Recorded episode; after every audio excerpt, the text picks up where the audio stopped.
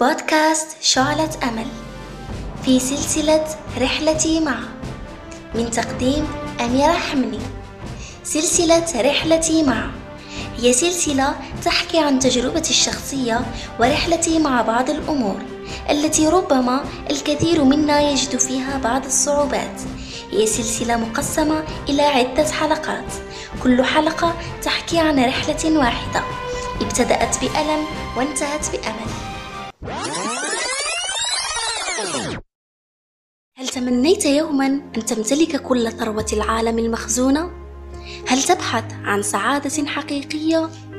ماذا عن صديق لا يخون لا ينافق لا يمل ولا يعاتب إذا جفوته ولا يشسي سرك هل تود أن تمتلك نافذة تتطلع من خلالها على العالم؟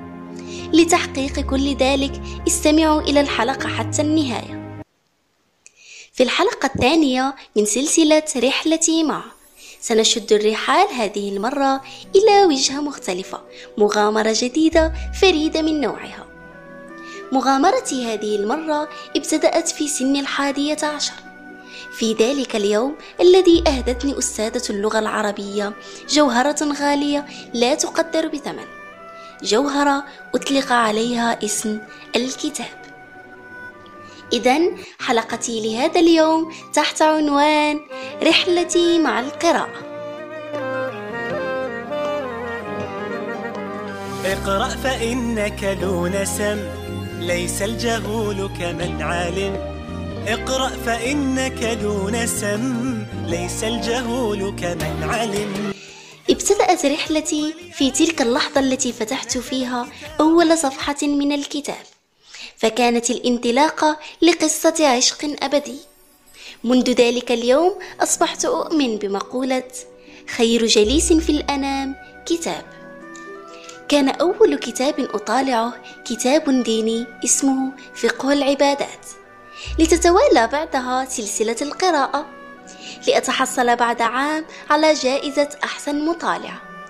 وهذا ما زادني تشجيعا لإكمال مغامرتي. لكن ما إن انتقلت إلى المرحلة الثانوية تغير مجرى رحلتي قليلا من عشق الكتب إلى هوس الروايات.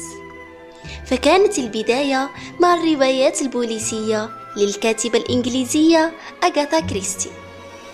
من الروايات البوليسية إلى الروايات الخيالية لنحط الرحال مع كاتبي المفضل المصري عمر عبد الحميد صاحب ثنائية أرض سيكولا. رواية أرض سيكولا سافرت بي من عالم الواقع إلى عالم الخيال.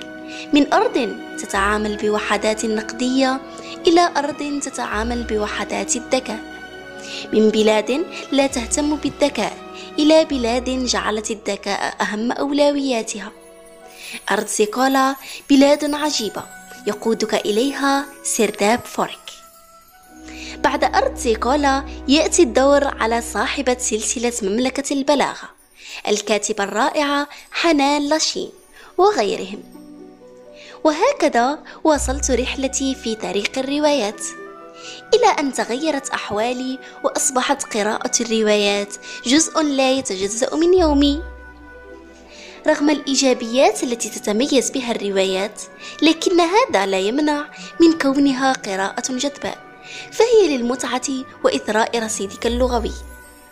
وبعد تأملي في مقولة الفيلسوف اليوناني أرسطوطاليس عندما سئل كيف تحكم على إنسان قال أسأله كم كتابا يقرأ وماذا يقرأ. أيقنت حينها بأن قراءة الروايات لن تكون نافعة كثيرا. لتأتي الفرصة لإعادة الرحلة إلى مجاريها. مشروع أسبوع 180 هو أكبر مشروع عربي إلكتروني لصناعة القراء. أسبوع 180 كان النافذة التي اطلعت بها على عالم الكتب. عالم اكتشفت فيه الكثير من المعلومات القيمة واطلعت على العديد من الثقافات المختلفة والحضارات العريقة. هكذا كانت بدايتي لرسم طريقي في رحلة القراءة. وما الكتب التي قرأتها ما هي إلا بداية في هذه المغامرة. مغامرة أتطلع إلى اكتشاف المزيد من خباياها. في الختام أهدي الكلام إلى كل إنسان. بإمكانك أن تشعر بصقيع موسكو وتشم رائحة زهور أمستردام وروائح التوابل الهندية في مومباي. وتتجاذب أطراف الحديد مع حكيم صيني عاش في القرن الثاني قبل الميلاد. بإمكانك أن تفعل كل هذه الأشياء وأكثر عبر شيء واحد ألا وهو القراءة. أتمنى أن تكون قد أعجبتكم حلقتي لهذا اليوم. نلتقي في الحلقة القادمة إن شاء الله.